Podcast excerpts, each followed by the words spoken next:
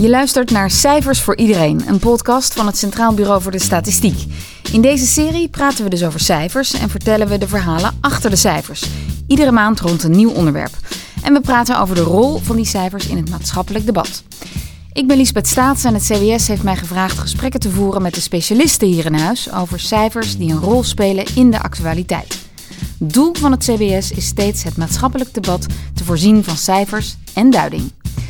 Vandaag spreek ik met Maarten Bloem, statisticus bij het CBS, met vaak een spraakmakend of spannend dossier in zijn portefeuille. Moord, doodslag, cybercrime en ook de meer traditionelere criminaliteit, zoals inbraak.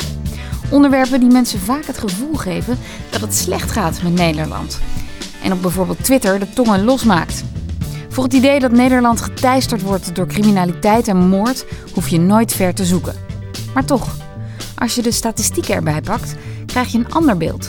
De criminaliteit in Nederland daalt gestaag. Het verschil tussen perceptie en werkelijkheid. Kortom, het mysterie van de verdwenen criminaliteit. Welkom Maarten. Dankjewel.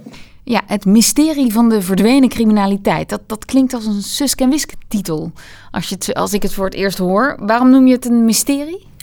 Uh, omdat als je uh, kijkt naar de criminaliteit, de bronnen die we erover hebben, over de laatste nou, ongeveer 70 jaar, je best wel een opvallend patroon ziet van een grote stijging vanaf jaren 50 tot het begin van deze eeuw. Dan zitten we een beetje uh, op een plateau van hoge criminaliteit uh, tussen de, van in de jaren 90 tot het begin van deze eeuw. Maar dan uh, zie je eigenlijk een hele gestage daling van heel veel vormen van criminaliteit waar mensen slachtoffer van worden. Ja, die daling, je zei het net al, die wordt door heel veel mensen gewantrouwd. Die wantrouwen die cijfers, die zeggen dat kan toch niet uh, kloppen. en er is dus ook heel veel discussie over ja, hoe dat kan. Niet alleen de stijging tot uh, de jaren negentig, maar ook de daling vooral vanaf het begin van deze eeuw. En dat is uh, nou ja, zo onduidelijk dat het een mysterie is. Ja, voor veel mensen is het echt heel slecht te geloven, denk ik. En uh, zelf als, als woordvoerder bij de berichten die het CBS uitbrengt, hoor ik dat ook vaak. Mensen, mensen die zeggen, dit kan niet, het klopt niet. Um, terwijl als we kijken naar de bronnen die we hebben, en dat zijn er gelukkig best wat, zie je echt een feitelijke daling. Maar het is dus moeilijk om die, uh, om die uitgelegd te krijgen. Ja, en, en zelfs als jullie die cijfers naar buiten brengen en die feiten, dan blijkt dat ook professionals daar soms moeite mee hebben. Ja, minder geregistreerde misdaad dus. Maar dan blijft de vraag wat dit onderzoek zegt over de totale criminaliteit. Mijn inschatting is dat een steeds groter deel van de ijsberg onder water zit. En, en dat de cijfers zelf uh, onvoldoende weergeven de reële uh, omvang van de criminaliteit in Nederland. Nog even één ding. Uh, om de zoveel bladzijden in je boek zeg je dat de criminaliteit stijgt. Maar de CBS zegt de criminaliteit daalt. Ja. Hoe kan dat dan in nou, je boek staan? Dat is onzin wat, uh, wat het CBS zegt. Oh? Alleen. We moeten toch ergens vanuit? Nou, je ziet nu al dat bijvoorbeeld de inbraak in woningen na de coronatijd al behoorlijk begint te stijgen. Ja. Er is een andere vorm van criminaliteit bijgekomen. Als zij ook zouden meetellen de uh, digitale criminaliteit, dat oftewel de cybercriminaliteit, ja, dan als je daar naar kijkt en je telt het bij elkaar op, is de criminaliteit gestegen. In Singapore of in Saudi-Arabië denk je toch niet dat je met iemand zijn tas kan stelen of een auto kan maken? Dan ga, gaat... jij, ga jij dan lekker daar wonen? Dat wil je nee, daar gaat het ook niet om, maar dat betekent wel dat er wat kan veranderen. En maar er moet ook wat veranderen. Maar luister, kijk, toch... de, er blijft wat, waar wij tegenaan lopen met z'n allen. De, of, ik nou, of je nou advocaat of rechter of officier bent. Wij zijn het over heel veel dingen wel eens. Want er gaat ook heel veel goed in Nederland. Mm -hmm. En het, we zijn allemaal een stelletje zeurzakken geworden. Maar er gaat heel veel goed. Denk jij dat de gemiddelde kijker van Opsporing Verzocht weet... dat bijvoorbeeld de misdaad in Nederland al een aantal jaren daalt? Er gebeuren verschrikkelijke dingen, dat laten jullie zien. Ja. Maar als je het totale getal... Ik vind het CBS nee, we hebben... al jaren... Het, ja. het daalt. Kijk, ook een compliment aan de politie. Ja, ja. ja nee, het, het, gaat heel goed in Nederland. Ja, we hoorden hier veel mensen, maar onder andere ook politiewoord, voormalig politiewoordvoerder Klaas Wilting. En Gerard Joling, bemoeide zich er ook nog even mee. Um, ja, heeft, hebben ze een punt? Ze zeggen, Wilting zei, ja, het CBS telt niet de cybercriminaliteit mee bijvoorbeeld. Ja, het klopt niet. Wat wel klopt, of wat ik herken, is dat, uh, dat heel vaak, uh, als we cijfers brengen, uh, dit soort argumenten terugkomen. met op één, niemand doet meer aangifte. Dus die cijfers die lopen alleen maar terug. Omdat mensen de moeite niet meer nemen om aangifte te doen. Um, het punt over cybercriminaliteit wordt ook gemaakt. En wat je daar in elk geval over kan zeggen is dat als het om aangifte gaat, dan, dan heeft iedereen een punt die zegt: heel veel criminaliteit wordt niet bij de politie gemeld. Dat klopt. Dat weten we omdat we in onze slachtoffer-enquêtes ook vragen naar alle criminaliteit waar mensen geen meldingen en aangifte van doen. Dus daar neem, dat nemen jullie mee, dat gegeven? Ja, precies. Um, dus als je je maar op één bron beroept, in dit geval de door de politie geregistreerde misdrijven, ja, dan valt daar heel wat op af te dingen, omdat heel veel uh, criminaliteit buiten het zicht van die politie uh, blijft. Maar we hebben dus andere bronnen, uh, waarin we ook niet alleen vragen naar criminaliteit waar geen melding of aangifte van is gedaan, maar ook vragen naar slachtofferschap van online criminaliteit. Ja. En het klopt ook dat dat de afgelopen jaren is gestegen. Een collega van jou hier bij het CBS, Ruben van Galen, die wijt dat onbegrip of die misverstanden aan uh, feitenimmuniteit. Zo noemt hij dat. Laten we even luisteren. Word je niet wel eens heel moe daarvan om uh, opnieuw dezelfde vraag te beantwoorden? Ja, soms wel. Als het de indruk hebt dat iemand een bepaalde vorm van feitenimmuniteit of wantrouwen heeft. Feitenimmuniteit? Nou ja, als iemand dus eigenlijk onaanraakbaar is wat betreft de uitleg van feiten, dat kan soms ook gewoon wortelen in een vorm van wantrouwen die door andere redenen zijn ontstaan. Als dat allemaal speelt, dan is het moeilijk misschien om feiten te accepteren. Ja, herken jij dat, die feitenimmuniteit? Ja, dit is uh, heel herkenbaar. Aan de ene kant het feit dat mensen niet weten waar die cijfers vandaan komen, hoe we ze gemaakt, uh, hoe we ze maken. Bijvoorbeeld het feit dat we niet alleen maar uh, door de politie geregistreerde misdrijven hebben, maar dat we ook, en dat hebben we afgelopen jaar ook gedaan, uh, honderdduizenden mensen vragen naar alle criminaliteit. Die waar ze ervaren hebben? Precies, waar ja. ze mee te maken krijgen, ongeacht of ze dat tegen de politie hebben, hebben verteld. En voor de rest, het feit dat cijfers of ontwikkelingen die we brengen als CBS niet stroken met het beeld dat mensen hebben. En, en, dat, is, dat zijn denk ik best wel vaak hardnekkige ideeën over, uh, uh, over hoe het gaat in Nederland of in de wereld. Um, ik krijg wel eens letterlijk als reactie bij, uh, bij een bericht over criminaliteit. Jullie moeten een keer het aan mij komen vragen. Kom maar bij mij kijken, want er is nog heel veel mis. En ik moet dan ook wel eens denken aan wat uh, Hans Rosling, uh, een, een, een, een, Zweedse wetenschapper die heel veel heeft gedaan aan het, ja, aan het promoten van een wereldbeeld wat gebaseerd is op, op feiten. En die kreeg heel, heel erg vaak de tegenwerping als die zei, als die aantoonde met cijfers dat het de afgelopen decennia op heel veel vlakken beter gaat met de wereld. Kreeg hij heel vaak het verwijt dat hij, dat hij eigenlijk zou zeggen dat hij eigenlijk aan het zeggen was: het is allemaal wel goed, mensen. Uh, er is niet zoveel mis. We, we, kunnen wel, we kunnen rustig aan gaan doen, want alles is goed. Dat is helemaal niet waar. Dat blijkt ook helemaal niet aan, uit onze cijfers. Afgelopen jaar zo'n 750.000 misdrijven door de politie geregistreerd. Dat zijn zo'n 2000 per dag. En als je kijkt naar de slachtoffer-enquêtes, dan is uh, 17% van de mensen, dat zijn er zo'n 2,5 miljoen, die het afgelopen jaar met een delict te maken hebben gehad. Dus je kunt zeggen, het gaat slecht en het gaat beter tegelijkertijd. Want er gaat heel veel mis, er is veel criminaliteit, maar heel veel vormen van criminaliteit zijn wel degelijk afgenomen als je nou, laten we zeggen 10, 15 jaar terugkijken. Maar mensen verstaan dan, als je zegt ja, de, de criminaliteit daalt, die verstaan dan, ik moet het nu helemaal oké vinden of zo. Ja, of, of uh, me, mensen denken dan, oh ja, ze zeggen dat er niet zoveel meer aan de hand is. Nee, er is nog heel veel aan de hand. Um, en er is dus ook nog heel veel ruimte voor verbetering. Maar het gaat op heel veel vlakken wel beter dan het ging. Het was nog erger. Nou, tot zover dan de ontvangst van die cijfers en feiten. Laten we nu even kijken naar hoe daar vervolgens verslag van gedaan wordt. Telegraaf vandaag van vrijdag 24 juni. De dag dat Utrecht voor de tweede keer binnen anderhalve dag wordt opgeschrikt door een liquidatie. Op klaarlichte dag deze keer. Goeiedag. Amper een week na het nieuws dat een crimineel afkomstig uit Marokkaanse onderwereldkringen besloten heeft kroongetuige te worden, wordt hij hier keihard voor afgestraft. Zijn broer, die een bedrijfje runt in Amsterdam-Noord, is vanochtend doodgeschoten door een huurmoordenaar. In mijn ogen is het zo dat Dirk Wiersum is geliquideerd omdat hij de kroongetuige bijstond. En dit was een soort van represaille maatregel in de richting van de kroongetuigen. Op 6 juli loopt Peter R. de Vries de studio van RTL Boulevard uit. Kort daarna wordt hij neergeschoten. Bloemen en briefjes zijn vanochtend neergelegd bij de plek waar het gebeurd is. Tja, liquidaties. Ook in mijn... Uh, ja, ik ben geen crimejournalist, dus ik ben een eenvoudige krantenlezer wat dat betreft. In mijn beleving hoor ik daar steeds meer over. Is dat, is dat ook zo? Vinden er meer liquidaties plaats? Nee, er vinden niet meer liquidaties plaats de afgelopen jaren. Het is natuurlijk wel zo dat de impact van elke liquidatie, moord en doodslag uh, in het algemeen natuurlijk heel erg groot is. Waarbij, nou, als je uh, zeker ook naar voorbeelden uit de recente, uh, recente geschiedenis, de moord op Peter R. Vries, een advocaat, dat zijn natuurlijk individuele zaken die, die de maatschappij, denk ik, terecht heel erg schokken. dus het is niet gek dat ze op de voorpagina komen. En dat geldt voor de meeste gevallen van moord en doodslag. Die komen ergens in de krant terecht, omdat het um, hele ingrijpende gebeurtenissen zijn. Als je naar de aantallen kijkt, zie je wel dat het vrij zeldzame gebeurtenissen zijn. Maar hoe komt het dan? Doen we er meer verslag van? Ik denk dat. Uh, ik weet niet of we nu meer verslag van die zaken doen dan vroeger. Ik denk dat je al heel lang ziet dat criminaliteit en zeker dit soort extreme vormen van criminaliteit heel veel media-aandacht krijgen. Um, en daardoor uh, mensen wellicht ook het idee hebben dat dat uh, wel vaker voorkomt dan het in de praktijk is. En ook hier geldt weer, moord en doodslag komt voor, dat is natuurlijk vreselijk.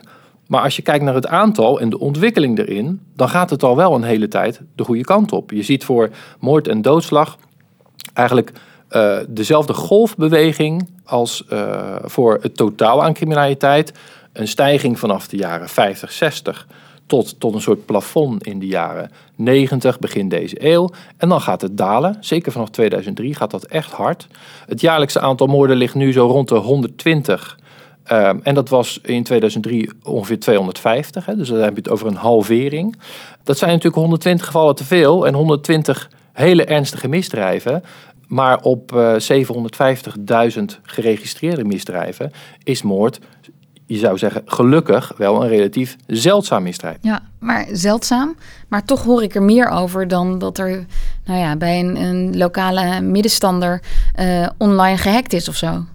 Ja. Het trekt gewoon meer aandacht. Je krijgt er meer kolommen mee vol. Absoluut. Uh, ja, een, een, een woninginbraak uh, haalt natuurlijk veel minder snel de, de krantenkoppen dan een moord. Waarbij ik wel denk dat ook de ene moord is wat dat betreft de andere niet als het gaat om de maatschappelijke impact. In elk geval is natuurlijk voor de, voor de direct, uh, direct betrokkenen, de nabestaanden, vreselijk. Maar je hebt natuurlijk ook wel zaken zoals die op uh, Peter R. Vries of uh, Dirk Wiersum. Dat zijn ook zaken die de hele maatschappij of de rechtsorde schokken. Dus de, de hele discussie over, over misdaad, over criminaliteit en welke kant dat opgaat, uh, voer je denk ik niet alleen met de aantallen, de ontwikkeling in de aantallen, omdat de impact ervan, de complexiteit, natuurlijk ook een heel belangrijk aspect is. Ja. Dus het beeld is wederom sterker dan de feiten, zou je kunnen zeggen. Um, in ieder geval is het beeld um, nou ja, afhankelijk van meer factoren dan alleen de feiten. Ja, absoluut. Nog even over jullie feiten en de, bijvoorbeeld de veiligheidsmonitor. Hoe, hoe verzamelen jullie die gegevens? Je zei net al in het begin, ja, niet alleen van de politie, maar op wat voor soort bronnen baseer je je? Naast de, de cijfers van de door de politie geregistreerde misdrijven, houden wij, uh, dat is nu tweejaarlijks, vroeger deden we dat één keer per jaar, houden we een hele grote slachtofferenquête. Het afgelopen jaar hebben we daarin meer dan 170.000 Nederlanders van 15 jaar en ouder gevraagd naar alle, alle delicten waar ze in de afgelopen 12 maanden mee te maken hebben gekregen. En dat zijn dus traditionele criminaliteit, zoals wij dat te noemen. Dus uh, offline uh, misdaad zoals diefstal, uh, geweld, vernieling. En daaruit krijg je dus een, een totaler beeld van de criminaliteit waar burgers mee te maken krijgen, dan op basis van de politiecijfers, omdat, en dat weten we dus ook uit die slachtofferenquêtes, um, mensen heel vaak geen melding of aangifte doen. Want dat vragen we ze ook in die slachtofferenquête. Ja, heb je dat gedaan of niet? Nou, die veiligheidsmonitor is gepresenteerd.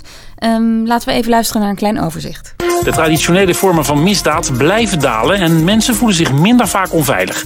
De criminaliteit onder minderjarigen en jongvolwassenen is de afgelopen zes jaar afgenomen in vergelijking met de 15 jaar ervoor, meldt het CBS. Het aantal veroordeelde minderjarigen daalde de afgelopen vijf jaar met een derde.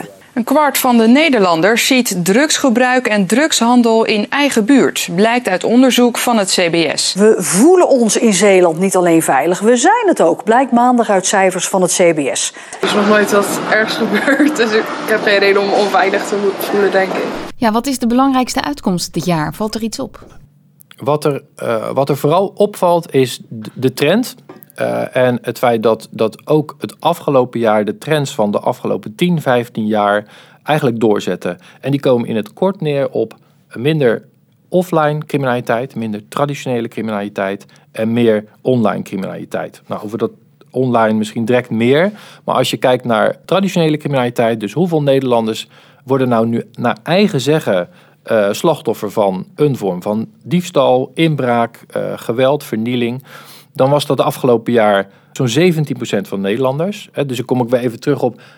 Er gaat nog steeds een hoop mis. Dat zijn 2,5 miljoen mensen die daarmee te maken krijgen. Um, maar in 10 jaar tijd is dat wel met ongeveer 40% afgenomen. En, uh, uh, want de veiligheidsmonitor uh, staat in een langere traditie van, van slachtofferenquêtes. Je kunt echt terug tot in de jaren 80. En eigenlijk zie je dan, ondanks dat je wel.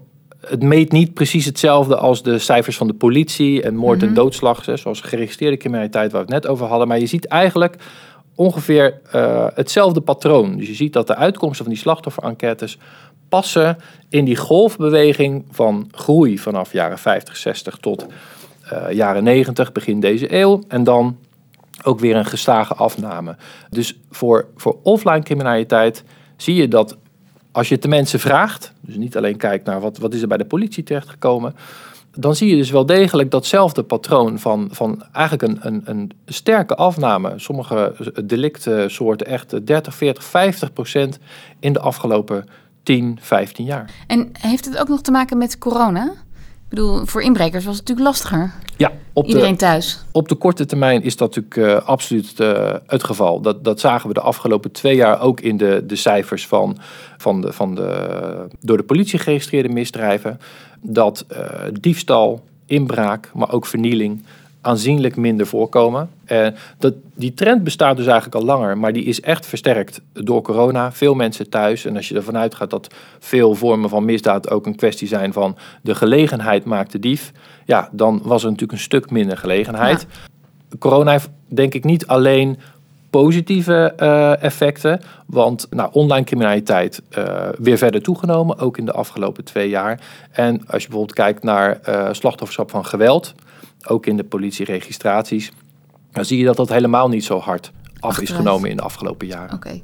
En de meest voorkomende vorm van criminaliteit? Is dat die online criminaliteit?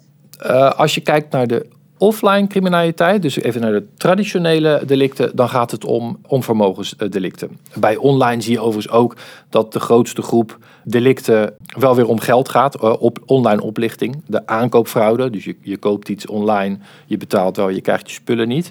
Um, dus online of offline, uh, uh, een, een veel voorkomend motief van criminaliteit is uh, is geld. Dus uh, diefstal, inbraak. Dat is al heel lang zo. Als je naar de geregistreerde criminaliteit kijkt, dan is dik meer dan de helft. Uh, heeft te maken met vermogenscriminaliteit in allerlei vormen. En, en, die offline criminaliteit, wat is daar het meest voorkomende? Je zei vermogensdelicten, moet ik dan denken aan zakkenrollen? Of, dat heeft inbraak? te maken met diefstal en inbraak. Ja, ja waarbij fietsendiefstal hoog staat, maar ook poging tot inbraak in, in huis en schuur. Um, dus zo'n 9% van de, van de mensen wordt daar het afgelopen jaar slachtoffer van. Dan heb je het over 1,3 miljoen mensen.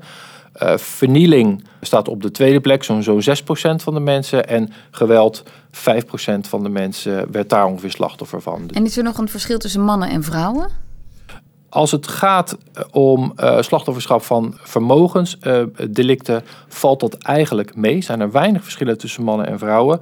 Het is wel zo, als je kijkt naar onveiligheidsgevoelens, dan zie je wat grotere verschillen. En in sommige uh, delicten zitten ook wel grotere verschillen. Denk aan seksueel geweld. Daar zijn vrouwen vaker het slachtoffer van dan mannen. Voor diefstal valt dat mee. je ziet de grotere verschillen zitten eigenlijk meer naar leeftijd dan naar geslacht. Okay. Dus in het algemeen worden jongere mensen vaker het slachtoffer van uh, criminaliteit dan oudere mensen. Over dat mysterie. De trend voor moord en doodslag, ehm, die zegt ook iets over het algemene beeld van dat mysterie. Kun je dat uitleggen? Want dat vind ik ingewikkeld. Ja, als je de, de ontwikkelingen in de uh, totale geregistreerde criminaliteit uh, bekijkt, die golfbeweging van, van, een, van een stijging uh, tot begin deze eeuw, even kort gezegd, en daarna die daling. en je legt er overheen de ontwikkeling van het aantal gevallen van moord en doodslag, dan komt die eigenlijk heel goed overeen. En moord en doodslag is nu juist een vorm van misdaad die heel goed in de cijfers zit. Uh, gevallen worden bijna altijd heel goed onderzocht, politie, uh, door artsen. Dus um, je moet ervan uitgaan dat moord een vorm van misdaad is die dus die niet heel vaak buiten het zicht blijft, omdat mensen de moeite nee. niet doen om hem aan te nemen. En wat dus interessant is, is dat het patroon dan, als je dat op het totaal legt, wel degelijk overeenkomt. Dus een indicatie um, dat de kritiek die, uh, die je vaak hoort, dat, dat die geregistreerde misdaad niet zoveel zegt omdat mensen steeds minder aangifte doen. Um, dat is, die, die blijft niet overeind als je ook kijkt naar hele goed geregistreerde misdrijven zoals moord en doodslag. En aan de andere kant ook de uitkomsten van de slachtofferenquêtes waarin we mensen gewoon vragen naar alles waar ze mee te maken hebben gehad. Ook naar moord en doodslag? Nou, het, het, het, het uh, de slachtoffers van moord en doodslag zitten uiteraard niet in de slachtofferenquête. Nabestaanden zijn ook slachtoffers. Uh, nee, in de slachtofferenquêtes vragen we mensen alleen waar ze zelf mee te maken hebben. Oh ja, nee, helaas. Daar kunnen de slachtoffers van moord en doodslag niet meer over meepraten. Nee.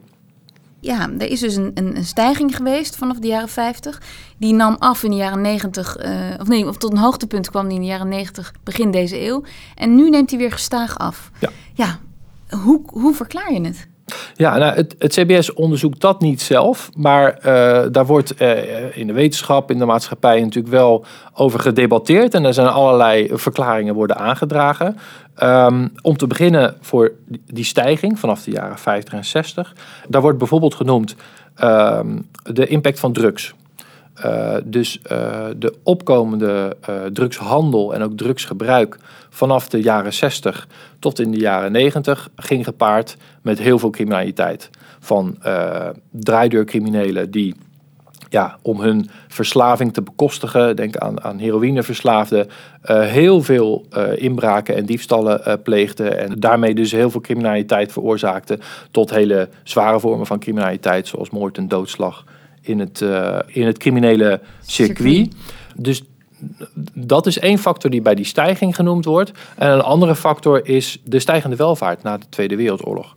Waarbij uh, er steeds meer ja, spullen kwamen om te stelen. Dus um, niet alleen was er meer om te stelen, maar door andere veranderingen in de maatschappij, um, bijvoorbeeld uh, steeds meer uh, mensen buitenshuis aan het werk. Zeker ook vrouwen in de loop van de tijd. Vaker buitenshuis, buitenshuis aan het werk. Huis stond vaker leeg. Mensen gingen hun, uh, in die toegenomen welvaart hun vrije tijd vaker buitenshuis besteden. Vaker op vakantie. Allemaal gelegenheid. En ja, een, een, een groot deel van criminaliteit, zo wordt dan verondersteld, is criminaliteit waarbij de gelegenheid eigenlijk de dief maakt. Dus er waren meer spullen en het werd makkelijker om ze, om ze ook te stelen. Dus dat zijn die factoren die aan die stijging hangen. Um, en dan vervolgens die daling. Daar wordt dan ook weer gekeken naar uh, drugs. Uh, in de zin dat veel harddrugsverslaafden uit nou, jaren 80, 90. Ja, de echte heroïnegebruikers? Ja, ik ben in de, in, de, in de jaren 90 ging ik in het centrum van Rotterdam naar school. En het centrum van Rotterdam, dat zag er, uh, dat zag er toen heel anders uit dan tegenwoordig. Veel daklozen, verslaafden. Um, uh, daar, daar zaten veel ongure plekken. Uh, dat is nu totaal anders. Dus je ziet het ook echt, echt op straat? Ja, absoluut. En drugsverslaafden die dus voor heel veel criminaliteit verantwoordelijk waren, die zijn, ja, sommigen zijn overleden, anderen zijn, zijn afgekikt, zijn geholpen. Dus dat scheelt heel veel criminaliteit, wordt gezegd. Er wordt ook wel naar tijdsbesteding uh, gekeken, zeker van jongeren. Jongeren zijn zowel aan de, als dader als uh, slachtoffer hebben die het vaakst met criminaliteit uh, te maken. maken. Ze plegen ja. het het vaakst. Ze zijn ook het vaakst. Ja, dat vond ik heel grappig. Dat, dat door gamen en online uh, contact de criminaliteit daalt. Ja, nou, dat, Ze zitten dat meer op dus, het stomme scherm te kijken. Ja, dat, dat wordt gezet. Dus geen, dus geen keihard bewijs, maar wel uh, het idee dat als in hoe groot die invloed is, dat is, dat is heel moeilijk vast te stellen. Maar het, het idee dat, kom ik weer terug op, een deel van, van criminaliteit heeft ook te maken met de, gele dat is de gelegenheid maakt de, nou, de dief of de vandalist. Dus op het moment dat mensen, zeker jongeren, minder buiten zijn en meer online, dan zijn ze dus ook minder in die gelegenheid voor kattenkwaad die ook uit de hand kan lopen. Wat natuurlijk wel, ik kom misschien zo nog even op, als ze wel vaker online zijn, dan zie je daar wellicht natuurlijk alweer een stijging. Uh, wat net over aankoopfraude en dergelijke, maar we meten ook, we vragen mensen ook naar, als ze te maken hebben gehad met online pesten, intimidatie, bedreiging, dat stijgt. Dus uh, uh, tijdsbesteding... Het is een, deels, een deelsverklaring, zeg maar. Ja, ja, en preventie is een andere die, die genoemd wordt als factor waardoor criminaliteit uh, gedaald is. Omdat burgers, bedrijven hun, hun spullen hun huizen, hun bezittingen steeds beter zijn gaan beveiligen. Een auto van nu is, dat is, dat is echt moeilijker open te krijgen dan vroeger. Meer uh, auto's hebben, hebben een alarm. Uh, grote campagnes geweest om uh, fatsoenlijke sloten te installeren thuis. wat dus de, de gelegenheid voor de dief Veel minder maakt, heeft. Ja. En heeft het ook te maken met cultuur? Dat we gewoon anders aankijken tegen geweld, bijvoorbeeld op straat of, of dat, dat, dat we strenger zijn geworden op uh, mensen die zich misdragen. Ja, er wordt gezegd, maar dan ga je echt naar, naar een nog veel langere tijdspanne uh, kijken. Dat nou eigenlijk uh, zeg maar vanaf de middeleeuwen de, de tolerantie voor geweld eigenlijk aan het afnemen is. Dus daar zit dan het idee achter dat naarmate samenlevingen zich organiseerden, er een staat kwam, dat, dat iets als geweld, dat werd steeds meer uh, een zaak van de staat. Dus de staat kreeg het geweldsmonopolie. Waar, waarmee dus de. Um, Niet meer oog om oog, tand om tand of Precies, ja, waarmee dus de, de tolerantie voor geweld in, uh, gewoon onderling als manier om conflicten op te lossen tussen mensen uh, steeds, ja, dat is dus steeds minder normaal geworden. Um, en dus en, minder geaccepteerd ook. Ja, ja, en er wordt wat dat betreft wel over een soort uh, succesparadox gepraat in de zin dat naarmate er dus steeds minder geweld is, is onze fixatie erop en onze aandacht en belangstelling en de angst voor eigenlijk steeds groter. Ja, want het wijkt af dan. Precies, ja. ja. Maar uh, Klaart ook wel een beetje die, die aandacht voor liquidaties. Ja, ja, waar, waar, waar ook uh, misschien uh, mensen uh, negatief nieuws en angst, dat blijft goed hangen bij mensen. Dat kan ook heel uh, heel nuttig zijn. Dat je, uh, als je evolutionair bekijkt, hè, het, het, is goed om uh, dreigingen, om die, om die in het oog te krijgen, om er rekening mee te kunnen houden, om te vluchten of te vechten of dergelijke. Dus misschien zijn we ook wel, hebben we wat dan een predispositie, zijn we gewoon, we, we zijn gebouwd om, om ook goed op te letten en op.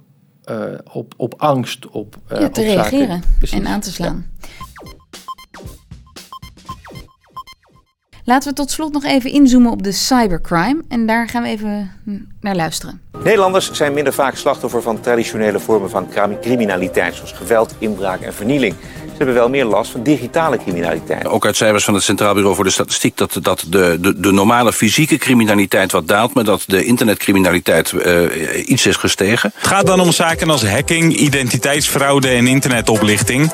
En waar het aantal slachtoffers van digitale criminaliteit... tussen 2012 en 2017 nog afnam... is dat aantal de afgelopen twee jaar juist toegenomen van 11 naar 13 procent. Een verschuiving horen we hier van... Uh offline criminaliteit naar online criminaliteit. Ja, toen ik dit voor het eerst hoorde, dacht ik, ja, het verbaast me eigenlijk niet. We winkelen ook vaker online dan vroeger, offline. Dus ja, als de winkeldiefstal offline minder plaatsvindt, dan zal die online wel plaatsvinden als dat mogelijk is. Snap je? Op heel veel terreinen gebeurt online meer dan offline. Ja. Dus ook de criminaliteit. is het zo simpel? Um, nou, de criminelen gaan mee naar plaatsen waar geld te verdienen is. Uh, als het dan om, om zaken als, als, als internetoplichting gaat. Dus uh, ja, er is steeds meer geld te verdienen online. De, de, kijk, de afgelopen twee jaar, natuurlijk, eh, net al, we hadden het net al even over corona, heeft een al bestaande trend van digitalisering, want die is natuurlijk niet nieuw, wel weer versterkt. De fysieke winkels waren op allerlei momenten dicht, dus je moest wel uh, het, het internet op als je uh, iets wilde kopen. Ehm, en je ziet dus ook dat uh, de online aankoopfraude, dat is, de grootste, uh, dat is het grootste delict binnen de, de online criminaliteit die we, die we uitvragen in die veiligheidsmonitor. Dat is echt uh, enorm gestegen de afgelopen jaren. Um, als je de af, in tien jaar kijkt, dan zie je dus dat de, de traditionele, de offline criminaliteit, geweld, diefstal, vandalisme, dat dat met zo'n 40% gedaald is. terwijl online criminaliteit de afgelopen jaren met 20% gestegen is. Dus, en dat is misschien wel weer ook anekdotisch heel erg aanwezig. Iedereen krijgt wel eens een WhatsAppje. Hi, ik ben je dochter. Ik heb een nieuw nummer en uh, kun je me even... Kun je even snel geld overmaken, bijvoorbeeld? Dat visje. Ja. Of, of, of de zogenaamd de, de bank waarbij je bankiert vraagt om nog een keer een, uh, een link te volgen om een, je gegevens opnieuw in te vullen. Iedereen heeft wel zoiets gehoord of het zelf meegemaakt? Ja, nou ook dat. Even terugkomend op die, die kritiek in het, uh, op het CBS in het begin van ja, jullie meten het allemaal niet. Juist naar online criminaliteit hebben we de vragen enorm uitgebreid de afgelopen jaren, waardoor we steeds meer uh, ja, actuele vormen nu ook uh, in die cijfers hebben. Nou, dan zie je dat in 2021 voor het eerst het slachtofferschap van online criminaliteit even groot is als dat van de offline uh, criminaliteit. Hè. Voor, beide groepen geldt 17% van de, van de mensen, 2,5 miljoen uh, Nederlanders hebben daarmee te maken gehad. Maar wat we daar ook in vragen is niet alleen ben je daadwerkelijk slachtoffer uh, geworden, heb je op die link geklikt, heb je dat geld overgemaakt. Maar ook heb je te maken gekregen met een poging. En dan zie je dat ik, uh, ongeveer 68% is het geloof ik, van de mensen zegt ja, ik heb het afgelopen heb jaar ook uh, precies dat ook ja. gehad. Dus je, uh, en die pogingen zijn ook strafbaar. Dus wat dat betreft is het ontegenzeggelijk waar, on online criminaliteit stijgt. Ja. ja. Ik uh, moet wel zeggen dat ik me geen slachtoffer met een hoofdletter S voel als ik zo'n sms'je krijg en dat meteen wegdruk of blokkeer. Nee. Nou, in de, in, de, in de cijfers over slachtofferschap uh, tellen we die, die mislukte pogingen niet mee. Dus daar gaat het echt om mensen die wel degelijk uh, geld, geld kwijt. kwijt zijn geraakt.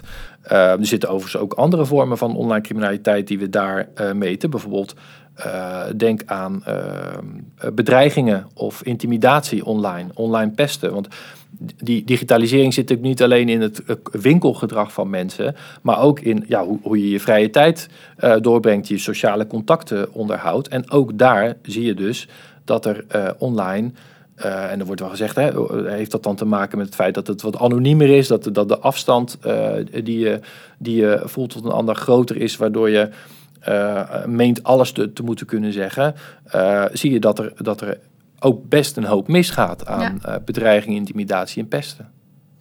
Dan tot slot, ja, al deze cijfers, alle, alle informatie over veiligheid en criminaliteit.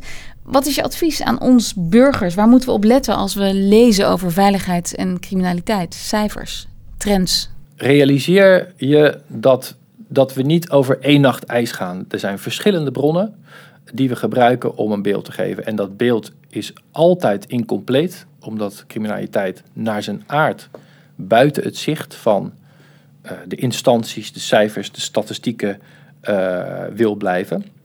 Maar we hebben meerdere bronnen en zeker voor criminaliteit tegen burgers hebben we ook met die slachtoffer-enquêtes een tool die niet afhankelijk is van wat er aangegeven wordt of niet, omdat we grote groepen mensen vragen naar alle delicten waar ze mee te maken krijgen. Uh, en als je dan al die patronen van die verschillende bronnen uh, over elkaar legt, dan zie je dus dat er gaat heel veel mis. Maar op allerlei vormen van criminaliteit gaat het gelukkig de afgelopen 10, 15 jaar ook wel een stuk beter. Ik denk wel, en dat, is, dat, dat de discussie over criminaliteit die moet je niet voeren aan de hand van cijfers alleen, want de impact van een enkele zaak kan natuurlijk enorm zijn. De, de complexiteit van de misdaad die er is, de, de, de eventuele verharding, dat val je, vang je niet met, met statistieken alleen. Um, maar nou goed, om weer af te sluiten met Rosling. Het feit dat je niet alles weet, betekent niet dat die daling die we zien, zeker in criminaliteit tegen burgers, in, die al 10, 15 jaar steeds minder te maken krijgen met uh, diefstal, geweld en vernieling, dat is er echt. En uh, ja, dat is iets waar we met z'n allen dan toch wel blij om kunnen zijn, hoop ik. Dankjewel. Maarten Bloem, statisticus van het CBS en woordvoerder op het gebied van veiligheid en justitie. Dit was Cijfers voor Iedereen, een podcast van het CBS. Volgende maand een nieuwe.